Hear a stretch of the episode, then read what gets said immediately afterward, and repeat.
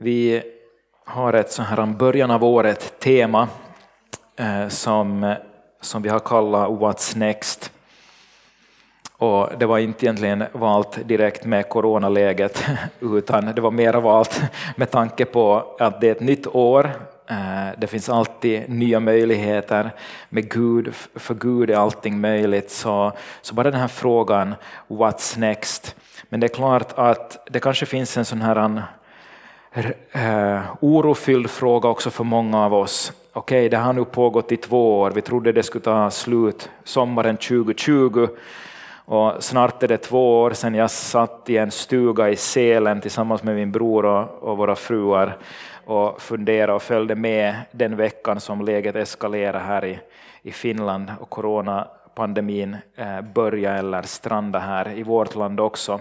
Och vi funderar om vi alls kommer hem därifrån den där stugan. Det skulle inte ha varit ett så dåligt ställe att fastna på, men vi kom nog hem därifrån. Men snart har det gått två år och kanske någon frågar så här att, att what's next? Kommer det att bli annorlunda överhuvudtaget? Hur kommer det här året att bli? Vad kan jag förvänta mig av det här året? Hur kommer jag att orka? Kanske det finns många frågor som vi funderar på, eller kanske du bara har den här inspirerande frågan What's next for me? Vad är nästa steg som Gud ber mig att ta? Eller visionen som vi har för vår församling som vi har talat om under några år, gått igenom grundligt eh, församlingens vision.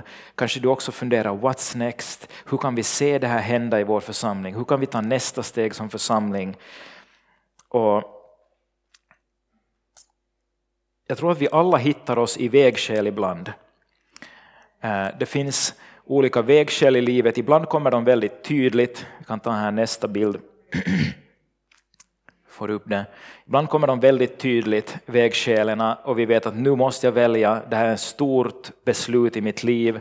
Hur ska jag gå framåt? Ska jag göra det eller det? Yrkesval eller vem man gifter sig med? Ibland är det liksom väldigt stora vägskäl.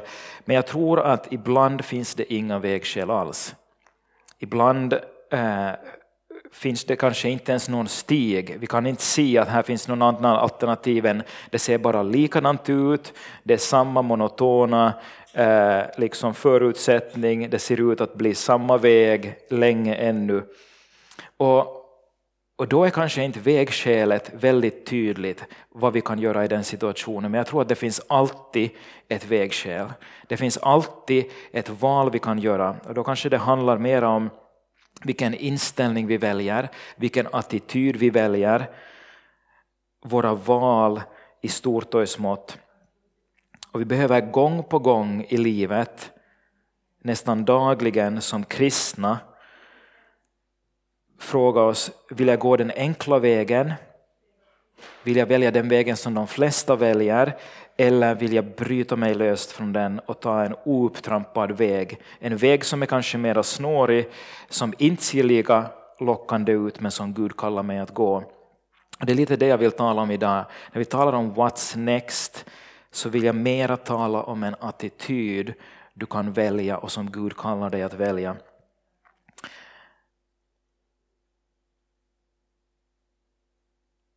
Oavsett om det finns vägskäl eller inte så kan Gud visa dig en väg framåt. Det finns alltid en väg framåt för Gud. Så hur kan vi välja den rätta, eh, den rätta vägen? Inte lätta. Hur kan vi välja den rätta vägen? Hur kan vi gå tillsammans med Gud? Och jag vill ta ett stycke där Jesus lyfter fram en andlig lag det finns eh, vissa eh, stycken eller utsagor av Jesus. Vi kan hitta sanningar i Bibeln som man kan kalla en andlig lag. En lag är som gravitationslagen. Den, du kan inte liksom, eh, eh bryta den, den gäller hela tiden här på jorden så gäller gravitationslagen. Om du tappar någonting så faller det till marken. Vi har lärt oss flyga, men då krävs det någon sorts energi för det. Men gravitationslagen gäller i vått och torrt hela tiden. Och det finns andliga lagar, det finns andliga lagar som hela tiden gäller. Det är en lagbundenhet som säger att om vi gör på ett visst sätt så följer någonting annat. Och Jesus ger en av de viktigaste andliga lagarna i Johannes evangeliet 12. Och vi ska läsa hela stycket och tala om den här andliga lagen idag. Så vi läser från Johannes 12, 20 till vers 33, där det står så här. Under högtiden fanns det bland dem några greker som hade farit upp till Jerusalem för att tillbe.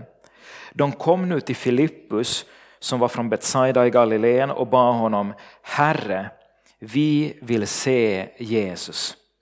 Filippus gick och talade om det för Andreas och Andreas och Filippus gick och sa det till Jesus. Sa, sa det till Jesus. Jesus svarade, stunden har kommit då Människosonen ska förhärligas. Amen, amen säger jag er, om vetekornet inte faller i jorden och dör förblir det ett ensamt korn, men om det dör bär det rik frukt. Den som älskar sitt liv förlorar det och den som hatar sitt liv i den här världen, han ska bevara det och vinna evigt liv.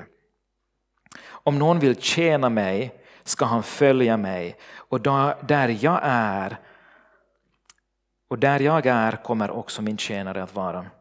Om någon tjänar mig ska min fader ära honom. Nu är min själ i djup ångest. Vad ska jag säga? Fader, fräls mig från denna stund. Nej, just därför har jag kommit till denna stund. Fader, förhärliga ditt namn. Då kom en röst från himlen. Jag har förhärligat det och jag skall förhärliga det på nytt. När vi först ser på den här berättelsen från Jesu liv så kanske vi tänker att, att vad, har, vad har Jesus svar överhuvudtaget att göra med de här grekiska eh, judarnas eller eh, grekerna som frågar om att få lära känna Jesus. Men bakgrunden är alltså den att de här grekisktalande judarna troligen eh, som hade vänt om, bodde ute i, i, i andra delar av världen. De kom till Jerusalem för högtiden för att tillbe. De ville, lära, de ville träffa Jesus. De var intresserade av honom. De har troligen hört om Jesus, eh, de har hört om hans under, de har hört om hans undervisning. De har troligt väldigt, troligen väldigt stort intresse för Jesus, men de vill möta honom personligen. De vill träffa honom. Och, och hur visar han sig för dem? Han egentligen visar sig för dem på samma sätt som han visar sig för varenda en av oss. Han berättar en sanning om sig själv som blir en sanning om oss. Han berättar sanningen om sig själv, vad han måste göra och samtidigt så avslöjar han en sanning som gäller oss alla. Så bakgrunden är den att de vill lära känna Jesus och det är just specifikt till, den, till de människorna som är omkring honom där som han svarar det här. Så det här handlar alltså om Jesus själv, vilken typ av ledare han är, vilken typ av mästare han är, vilken typ av herre han är hur han relaterar till sig själv och till sitt uppdrag och till sin uppgift. Och hur han relaterar till oss alla. Men sen går det över till att handla om lärjungaskap och att förstå vem Jesus verkligen är och hur vi följer honom. Så Jesus försöker avslöja några djupa sanningar om hur livet tillsammans med honom fungerar. Han säger egentligen så här, okej, okay, ni vill lära känna mig, ni vill komma och träffa mig, då är det någonting jag behöver berätta åt er. Om ni vill lära känna mig, de här grekiska judarna kommer att säga vi vill se Jesus. Om ni vill se mig, då är det Herren det viktigaste ni behöver veta om mig. Det är egentligen vad Jesus säger. Så Jesus svarar till de här, det här är ett svar på frågan hur kan jag lära känna Jesus? Hur kan jag verkligen se Jesus i mitt liv? Och då börjar han med att säga Stunden har kommit då Människosonen ska förhärligas. Han säger många gånger tidigare så har stunden inte kommit. Han har sagt många gånger det är inte ännu min stund. Tiden har inte ännu kommit. Men nu säger han stunden har kommit då Människosonen ska förhärligas. What's next? Han säger det här är det som kommer att hända härnäst i mitt liv och det här behöver ni veta. Och efter det så visar Jesus vägen som han måste gå och han visar också vägen till liv. Han visar vägen till att bli fruktbärande i det här livet. Han visar oss en väg. Om vi talar om what's next, att vara i en situation där vi måste välja eller där vi inte kan se en väg framåt. Jesus visar här en väg. Han visar sin egen väg som blir vår väg. Och så säger han det här, vers 24. Amen, amen säger jag er. Om vetekornet inte faller i jorden och dör förblir det ett ensamt korn. Men om det dör bär det rik frukt. Det här är den andliga lagen som också kallas för vetekornets lag. Så den första sanningen som Jesus berättar, och han relaterar det helt och hållet till sig själv och vem han är och vad han måste göra. Den första lagen är att för att kunna ge liv och bära frukt behöver någonting först dö. För att kunna ge liv och bära frukt så behöver någonting först dö. Jag tror att vi har punkterna här också på skärmen.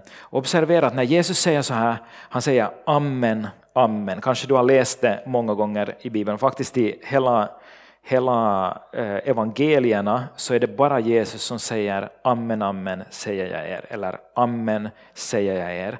Men när Jesus säger det här amen, amen så betonar han någonting som är oerhört viktigt och sant. Till den grad att det är en sanning från himmelens fader som står orubbligt fast och som han ber att människor ska ta till sig och ta in i sitt liv. Så den orubbliga sanningen han delar med dem, det är vetekornets lag. Och han säger att för att ett ensamt frö ska kunna bära frukt så måste falla till jorden och dö. Ett litet vetekorn har i sig potentialen till liv. Ett enda korn, så litet som det är nästan osynligt, det har kapaciteten och möjligheten till att bära oändligt mycket frukt och multipliceras. Av ett frö kan det bli är det 10-20 frön, kanske 30. Och om de faller i marken och dör så kan de alla multipliceras till 20-30 korn som faller i marken i sin tur. Han säger att, att om det här fröet, det finns så mycket potential, det kan bli en oändlig skörd av det här enda kornet om det faller i marken och dör. Men så länge det inte faller i marken och blir osynligt i jordens inre och blir påverkat av fukt, av temperaturväxlingar så att det spricker och på det sättet dör, försvinner det här fröet så länge det inte gör det här så kan det inte springa fram mera liv från det. Så Jesus lär oss den här sanningen först genom sitt eget liv. Han talar här först om sig själv. Tänk efter här. Grekerna kommer och säger att de vill se Jesus. Och det var inte bara de, alla sökte Jesus. Det är helt möjligt att den här följetongen att Filippus gick till Andreas och Andreas och Filippus gick till Jesus och berättade om det här är för att det var så många som sökte Jesus att de måste göra lite screening. De måste liksom hålla koll på vem är alla som nu kommer, har de goda eller onda avsikter? Men Jesus var egentligen oerhört populär. Så många sökte honom, det var bara de skriftlärda fariseerna som var emot honom och ville döda honom. Trots sina motståndare så ville alla se hans under, alla ville höra orden från hans mun som gav liv. Jesus var på höjden av sin karriär i mänsklig bemärkelse. Han hade massor av följare, inte på Instagram, men han hade följare. Han hade massor av människor som gillade honom, men inte på Facebook. Han han hade massor av människor som såg upp till honom. Och det kommer fler och fler och vill lära känna honom. Mitt där han är på toppen av uppmärksamhet, popularitet, gillande och följande. Mitt i det här allt som den här världen är så oerhört upptagen med så säger han plötsligt att för att han själv, Guds son, ska bli fruktbärande, för att hans liv ska bära frukt, så räcker det inte att han gör under, det räcker inte att han undervisar dem om hurdan Gud är, utan han säger för att hans liv på riktigt ska leda till liv så måste fröet falla till marken och dö. Så måste hans frö falla till marken och dö. Hänger du med? Han känner igen en sak. Om jag inte vill att lägga ner allt det här, allt det här, den här karriären, det här gillande, alla människor som söker, om inte jag är villig att lägga ner allt det här så kommer mitt frö att bli ett ensamt frö. En Jesus som levde en gång och gjorde under och som blev omåttligt populär, ingenting mera. Ingen frälsare, ingen livgivare, ingen frukt genom hela historien. Människor som kommer till tro och blir frälsta. Men om han vill se liv och rik frukt måste han vara beredd att lägga ner allt det här stora som så talar till oss människor. Jesus själv väljer att göra det. Han väljer att gå den här vägen. Han väljer vetekornets lag. Han väljer vetekornets väg Tänk på allt han ger upp. Han blir hånad och torterad istället för att bli prisad och beundrad. Han blir offentligt avrättad som en brottsling istället för att skina som en undergörare. Han blir missförstådd. Alla hans närmaste flyr och lämnar honom för han ser ut att ha misslyckats i sitt uppdrag. Det ser ut för oss alla som att han misslyckas i sitt uppdrag. Skulle inte han vara en kung, skulle han inte vara Messias. Istället för härligheten och berömmelsen som människor ville ge honom så väljer han att dö från sig själv, från sin popularitet, från det här livet. Dö för oss, för mänsklighetens synd. För att vi som har kommit bort från Gud skulle få komma tillbaka. Gud, Jesus lämnar Gud, sin fader i himlen, han lämnar honom för att föra oss tillbaka till Gud. Så egentligen är det Jesus villighet och lydnad till Fadern att dö för andras synd som var just det som ledde till överflödande liv och ära och förhärligande av hans namn. För en stor seger och för rik frukt och en enorm skörd så behövdes död, ett offer. Och Jesus visar det här i sitt liv. Från hans liv blir det en oändlig skörd. Jag kan ta den nästa bild. Eh, från Jesu liv blir det en oändlig skörd som räcker in i evigheten. Miljoner människor som kommer till tro och blir frälsta. Så Jesus visar på den här vägen han måste gå för att det skulle leda till liv. Och Det intressanta är att Jesus fortsätter och säger att det här inte bara gäller honom utan det är en sanning om honom själv som blir en sanning om oss. Den här vägen kallar han oss att gå, den här vägen kallar han oss att vandra och vi ska se vad det betyder för oss. Eh, om vi läser igen verserna 24 till 26.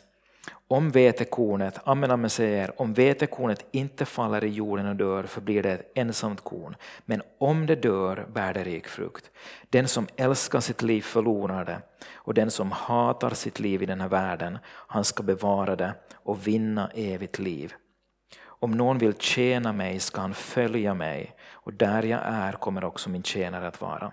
Om någon tjänar mig skall min fader ära honom. Den andra sanningen som Jesus lär oss här är att för att uppleva Guds liv och frukt så måste lärjungen gå Mästarens väg. För att uppleva Guds liv och frukt så måste lärjungen gå Mästarens väg. Vi måste gå samma väg, vetekornets väg, om vi vill följa honom. Och först när man tittar på de här orden av Jesus alltså att hata sitt liv i den här världen, så är det ju chockerande. Det är nästan liksom, man ryggar tillbaka. Vad, vad betyder det? Vad försöker du säga Jesus? Ska jag hata mitt liv? Och, och, vi måste förstå att när Jesus talar de här orden så talar han dem utifrån människors perspektiv, utifrån den här världens perspektiv. Han talar om, ta, talar om det här utifrån den vanliga människan som vill njuta av livet där ute. För den människan, om du älskar ditt liv, njuter av livet, gör allt det där fantastiska som du vill, som snurrar kring dig själv, då älskar du ditt liv. Så säger Jesus, då kommer du att förlora det. Man säger att om du utifrån människors perspektiv, utifrån hur andra människor i världen bedömer dig, hatar dig själv.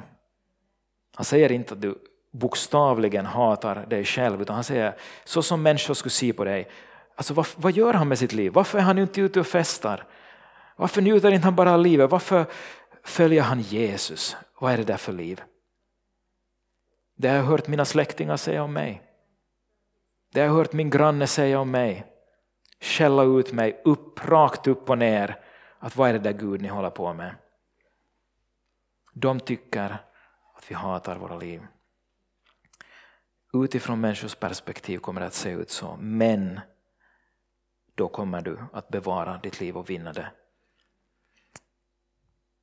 Men det är värt att stanna upp en stund och fråga sig vad är det Jesus egentligen säger. Det här är betydelsefulla ord som tåls att understryka. Så enligt vad Jesus säger så finns det två alternativ. Han har två alternativ som han erbjuder och som han säger. Han säger att vi kan hålla kvar vårt vetekorn i handen. Älska sitt eget liv. Och kom ihåg, från världens och människornas perspektiv. Centrum i mitt liv är jag själv. Allt jag vill sätta i centrum av livet och tillbe som det mest meningsfulla, det sätter jag där. Jag håller hårt i mitt vetekorn. Ingen får påverka mitt vetekorn. Ingen får ta det ifrån mig. Det är mitt. Det får inte falla från min hand. Jag ska ha full kontroll hela tiden. Jag gör allting för att själv få njuta, för att få nytta, få glädje. Den här vägen ger ofta bara ära åt mig själv, för jag är i mitten. Min tro på Gud är åtminstone ord. Men frågan är om det är mera. Vill jag ändra på någonting om Gud ber mig om det? Är jag beredd att lägga ner min egen vilja om Gud säger att det finns en högre väg? Vi håller krampaktigt fast vid det här kornet, vi håller krampaktigt fast vid livet och det vi själva vill göra. Att gå på våra egna vägar som inte är Guds bästa vägar. Och samtidigt så är det ju ofta just de här vägarna som förhindrar oss att uppleva livet. Det är de som sätter käppar i hjulet. Det är de vägarna som blir tunga i det långa loppet, för de är inte meningsfulla. Som skadar oss själva och som gör livet svårare för oss själva. Jag håller fast vid livet.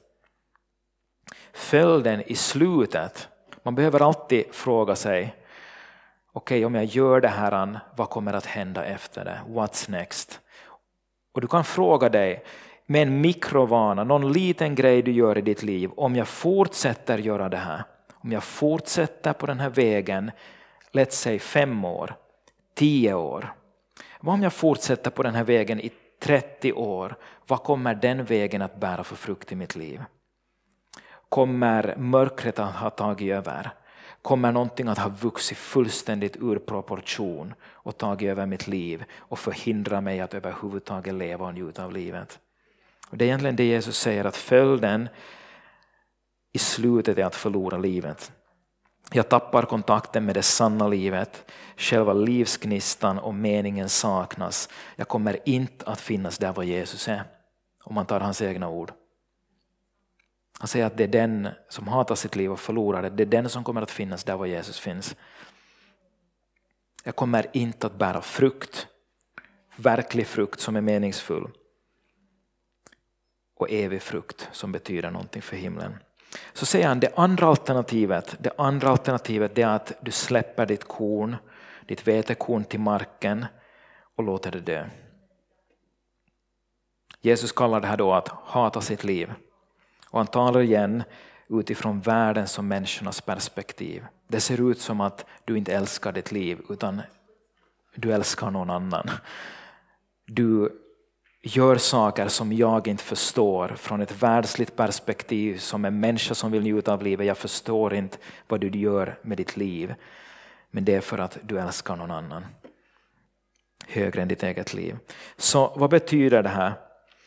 För alla som ser på dig, ser dig lägga ner ditt liv, släppa ditt frö till marken för att leva enligt Guds vilja så kommer det att se ut som att du hatar dig själv. Det kommer att se ut som att Eh, du gör någonting ologiskt. Jag tror att det där, Jesus använder ofta starka ord för att göra en poäng. Och jag tror inte att han talar om, varken här, om att på riktigt bokstavligen hata sig själv, för livet är en gåva som han har gett oss. När han talar om att hata, den som inte hatar sin far och sin mor är inte värdig att följa mig, så talar han inte om att hata dem. För Bibeln tar, det är ju ett av de tio budorden att du ska hedra din far och din mor. Och Jesus kan inte tala emot det, Vad han säger är egentligen en prioritetsordning.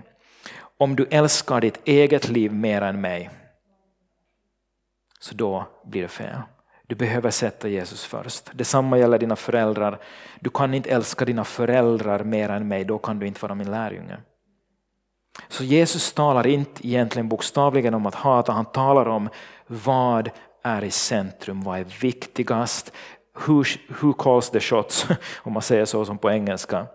Who is calling the shots, alltså vem tar besluten i ditt liv? Vem får säga hur det är bäst att leva livet i den här världen?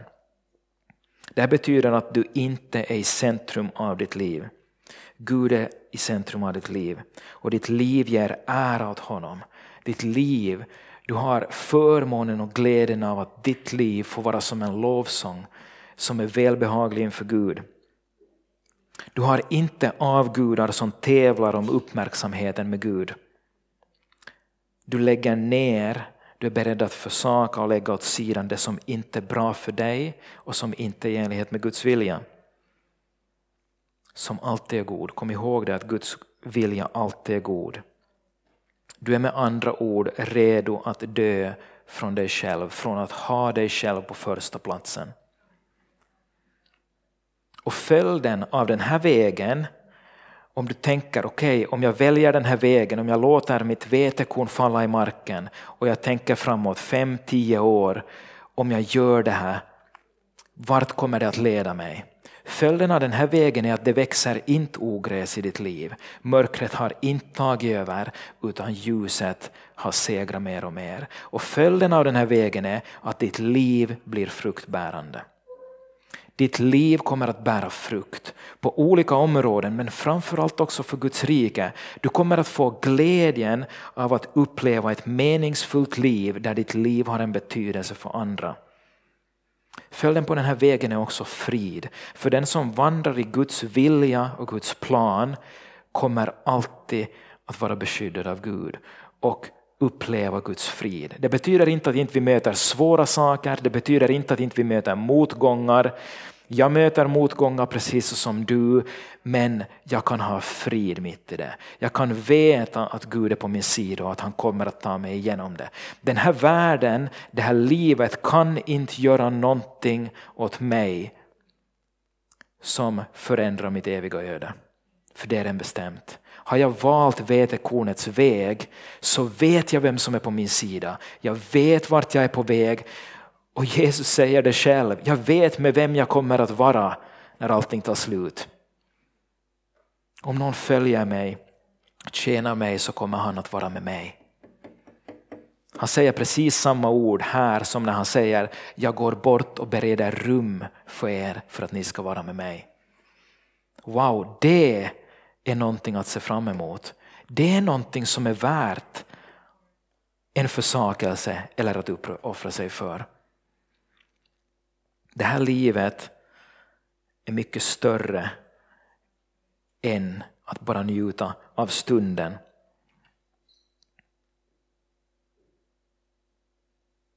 Du kanske tänker så men varför ska jag dö och försaka någonting?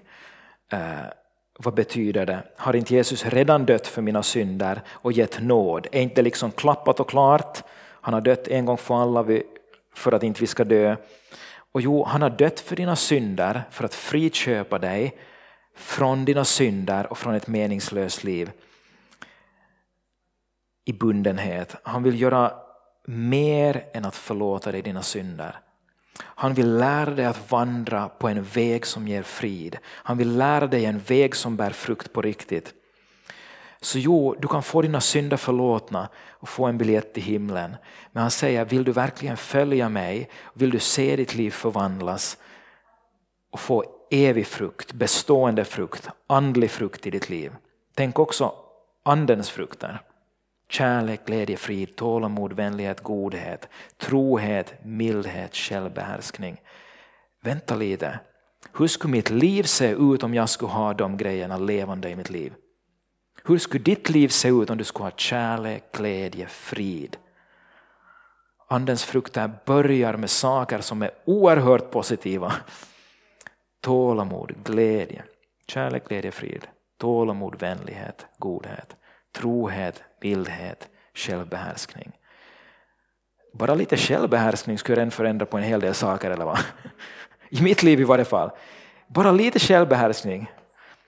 Tänk vad som kan hända om du säger okej, okay, jag lägger ner mitt liv, jag väljer din väg Gud. Låt dina saker växa fram i mitt liv. Den samma nåden som förlåter dina synder och kvittar din skuld inför Gud och säger du är förlåten, din synd är utstruken. Den samma nåden kan ge dig kraft. Bibeln säger att nåden är kraft till ett förvandlat liv. Den samma nåden kan förvandla ditt liv. Men det är en sak som det hänger på, det är vetekornets lag. Är jag beredd att släppa taget om livet och låta det dö? Eller vill jag hålla fast vid det? Om du läser motsvarande stycke i Lukas evangeliet så säger han i Lukas 9.23 om någon vill följa mig ska han förneka sig själv och varje dag ta sitt kors och följa mig. Varje dag kan jag säga Jesus idag vill jag leva på dina vägar, idag vill jag sätta dig först. Men här gäller det att hålla en balans. Om du är på en väg, speciellt om du är ute på, på landsbygden, så är vägen ofta ganska smal. Vi kan ta den här bilden av vägen. Vägen är ganska smal och ofta finns det två diken på var sida om vägen och detsamma gäller balansen i det här. För en del tänker kanske så här att, att vi är förlåtna, vi har nåden, nu behöver jag inte göra någonting mera. Äh, det är färdigt, det är klappat och klart, nu är det bara party on, och man tänker liksom det är ett bless me party resten av livet. Och vi får be om vad som helst och Gud ska ge mig det. Det här är det ena diket. Det ena diket är att tänka att nu behöver nåden räcker, jag behöver inte göra något tunga val. Det ska inte vara svårt mera, det ska vara lätt och enkelt. Inga uppoffringar. Det får inte kännas ansträngande. Det är det ena diket. Då hamnar du avsides från vägen, för det är inte så som Jesus beskriver det. Det andra diket, vad har du på andra sidan av vägen? Det andra diket är att livet som kristen är bara försakelse och uppoffring. Om inte det känns tungt så lever jag troligen inte så som Jesus vill. Då blir det oerhört tungt. Det ska, vara, det ska kännas lite jobbigt, svårt och tungt och ständigt en börda. Och om inte känns så, så är någonting fel. Jag skulle säga att det är det andra diket. Det är en bild av kristendomen som någonting väldigt dystert, det ska vara tungt resten av livet och jag ska bara bära mitt kors. Det här är inte heller så som Bibeln beskriver det. Bara i den här texten som vi läste idag hittar vi löften. Men vägen går mittemellan de här två ytterligheterna. Den vägen heter lydnad och överlåtelse. Jag säger Jesus, den Jesus som jag har mött, han har gett mig så mycket nåd och liv. Jag har upplevt någonting som är så stort att leva för att jag är beredd att dö för det. Han har gett mig så mycket så jag gladeligen vill följa dig och ha dig som Herre. Jag vet att det emellan kostar saker, jag kan inte bara leva det enkla livet, jag måste göra tuffa beslut, jag måste hållas på vägen och säga det här lägger jag ner för att det här är inte du vill. Och samtidigt så vet jag att på den vägen så finns så mycket som är gott. Det är inte bara uppoffringar. Jesus säger inte, han beskriver väldigt sällan Guds rike som en enda lång uppoffring. Utan han beskriver ju Guds rike i Romarbrevet 14 och 17 så säger han så att Guds rike består inte i mat och dryck, alltså i den här världens njutningar som vi så ofta vill att livet ska handla om. Guds rike består inte i mat och dryck utan i rättfärdighet, frid och glädje i den helige Ande. Han säger bara tre saker, men jag skulle vilja säga att om du kan lova nästan vilken människa som helst i dagens värld, gör det här och du kommer att äga rättfärdighet inför Gud, du kommer att få frid och du kommer att få sann, djup, innerlig glädje, så tror jag att de flesta människor är sålda. Och det här är, det här är hur, hur Jesus beskriver vägen. På den här vägen lydnad, överlåtelse till Jesus på den här vägen är det som regerar rättfärdighet, frid och glädje. Sann glädje, överflödande liv. Det här finns på den här vägen. Det här vill jag ge er. Så om du tänker att det här är lätt så säger jag inte att det är lätt. Jag upplever inte det som lätt inte ens ofta som lätt. Och om du ser på Jesus så kämpar han också. När vi går in för landning så ska vi läsa den här sista versen, vers 27. Vi har två verser kvar, 27 och 28. Här säger Jesus så här, när han har berättat det här, han har berättat hur han ska dö, så säger han, nu är min själ i djup ångest. Vad ska jag säga? Fader, fräls mig från denna stund. Nej, just därför har jag kommit i denna stund. Du möter här en Jesus som är väldigt äkta och ärlig. Han berättar åt sina lärjungar om sina känslor. Han kämpar och han känner djup ångest i sin själ över det som väntar. Jesus själv, din frälsare, kämpar åtminstone i sina känslor med att förstå sitt syfte och att helt förstå eh, eller att helt följa och lyda meningen för hans liv. Men vad du ser istället att Jesus mitt i alla de här omvälvande känslorna, mitt i svårigheter och utmaningar som väntar honom, mitt i ett svårt val där han måste låta sitt frö dö, mitt i det så fäster han blicken vid det som är hans livs syfte, det som ger meningen. Det är att mitt i det här, det här är min stund nu. Just för den här stunden har jag kommit. Han säger, det här är vad jag skapades för, det här är det som ger hela mitt liv sin mening och sitt syfte. Den tredje sanningen som Jesus ger här är att det finns större mening och sann glädje i att leva för Guds syfte och ära honom än i att leva för sig själv. Han kopplar vetekornets lag, han kopplar samman det med sitt eviga syfte. Han säger, ska jag be Gud att ta bort det här? Ska jag be Gud att frälsa mig från den här stunden? Nej, just för den här stunden har jag kommit. Om jag inte går in i det här kommer jag att missa poängen. Jag kommer att gå miste om det som är allra mest meningsfullt i mitt liv. För den här stunden är jag född, säger Jesus. Och hur hittar han spåret? När det känns utmanande att välja det rätta, när det känns svårt att låta vetekornet falla, då ber Jesus en enkel och väldigt kort bön. Han säger så här i vers 28. Fader, förhärliga ditt namn. Han vänder sig till Gud och säger Fader, det här är kämpigt för mig. Det här är svårt, jag har ångest i min själ, men nu vill jag be dig om hjälp. Fader, förhärliga ditt namn. Jag ber, han ber inte att, att han ska få uppleva den lätta vägen, han ber inte att han ska bli förhärligad, utan han säger Gud, jag vänder fokuset till dig. Forma mitt liv så att det förhärligar dig. Jag tror att i den stunden när man vågar be det, inte be bara Gud, låt mitt liv vara lätt, Gud ta bort det och det och det, utan om vi vågar börja be till Gud och säga Gud, gör så att mitt liv behagar dig. Gör så att mitt, mitt liv förhärligar dig. då tror jag faktiskt att det, det sker en skiftning i vårt inre. Någonting som kan vara oerhört tungt och svårt och som för världen ser ut som att vi hatar oss själva plötsligt blir en glädje, en eh, innerlig djup upplevelse av mening när vi följer Jesus. Så bara i den här, låt mig till sist säga, bara i den här texten vi läste, det finns oerhört mycket löften. Jesus lovar det ena och det andra åt de som följer honom och sätter honom först. Han säger att här i världen ska ni få bröder och systrar, och mödrar och fäder och i den eviga världen eh, det ena och det andra. Han, han ger så många löften men bara i den här texten vi idag läste så säger han att om du eh, är villig att låta ditt vetekorn falla till marken så är det här vad han ger dig. Ditt livs vetekorn kommer att få bära rik frukt. Det är ett meningsfullt liv som har en betydelse för evigheten. För det andra, du kommer att vara den som i slutändan bevarar ditt liv.